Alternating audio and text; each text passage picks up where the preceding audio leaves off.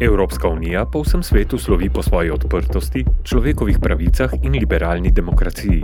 Že dolgo branite svoboščine, ki si jih je težko izborila in jih zdaj uživajo njeni državljani po vsej Evropi.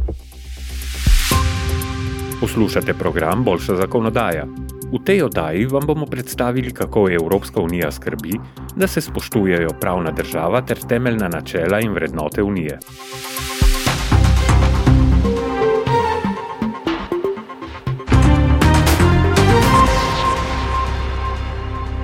Evropsko povezovanje je bilo sprva predvsem gospodarsko sodelovanje. Zaradi večje varnosti in stabilnosti za državljane in podjetja je bilo treba ustvariti zakonodajo, ki bi veljala za vso skupnost. Potem so se začele stvari spreminjati in tako evropsko povezovanje danes obsega veliko več kot le gospodarsko razsežnost. Pravzaprav je Evropska unija določila cel skupek vrednot in načel. Zbrani so v eni njenih ustanovnih pogodb in sicer v pogodbi o Evropski uniji iz leta 1992. Pogodba je pravni temelj unije in v njenem drugem členu je zapisano, katere vrednote so lastne vsem njenim državam.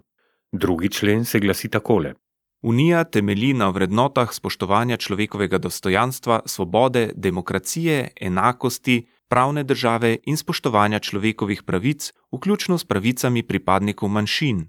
Te vrednote so skupne vsem državam članicam v družbi, ki jo označujejo pluralizem, nediskriminacija, strpnost, pravičnost, solidarnost ter enakost žensk in moških.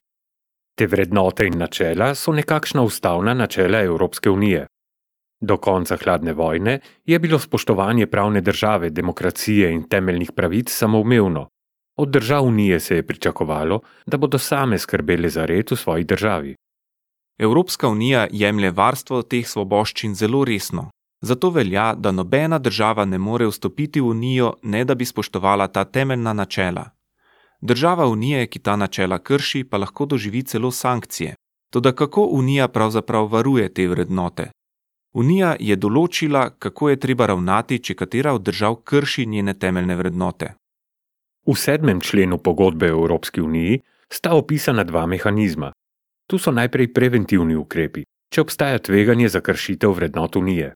Za že izvršene kršitve pa so predpisane sankcije. Čeprav sankcije v pogodbah Evropske unije niso natančno določene, je med njimi lahko začasni odvzem pravic do glasovanja v svetu. O obeh mehanizmih na zadnje odloča svet. Za odločitev glede na uporabljeni mehanizem veljata različna pragova, Z uporabo preventivnega mehanizma se morajo denimo strinjati štiri petine držav članic Unije, za uporabo mehanizma sankcij pa je potrebno soglasje vseh članic. Iz glasovanja je seveda izuzeta država, v kateri se glasuje. Tako imenovana mehanizma sedmega člena obstajata od leta 1997. Ker pa se je njuna uporaba izkazala za zapleteno, sta pogosto deležna kritik. Nekateri pravijo, da je prag glasovanja v svetu previsok da bi odločitev sploh lahko sprejeli. Drugi pijajo, da se nekatere države iz političnih razlogov nočejo upletati. Zato so se pojavili nekateri novi predlogi. Eden od novih pristopov je tako imenovani okvir za pravno državo, ki ga je sprejela komisija. Z njim odpravlja grožnje za pravno državo, še preden bi morala poseči po mehanizmu iz sedmega člena. Kako pa to pravzaprav poteka?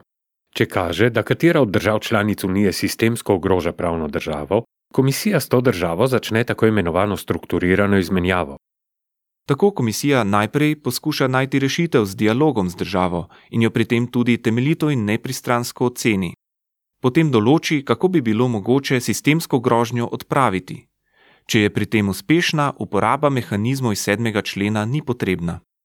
Ne glede na to, kaj nas čaka v prihodnosti, pa lahko z gotovostjo rečemo, da so temeljne vrednote Evropske unije zapečatene z njenima ustanovnima pogodbama. Zato bo Unija v dobro vseh državljanov storila vse, da bodo te vrednote spoštovali v vsej Evropi.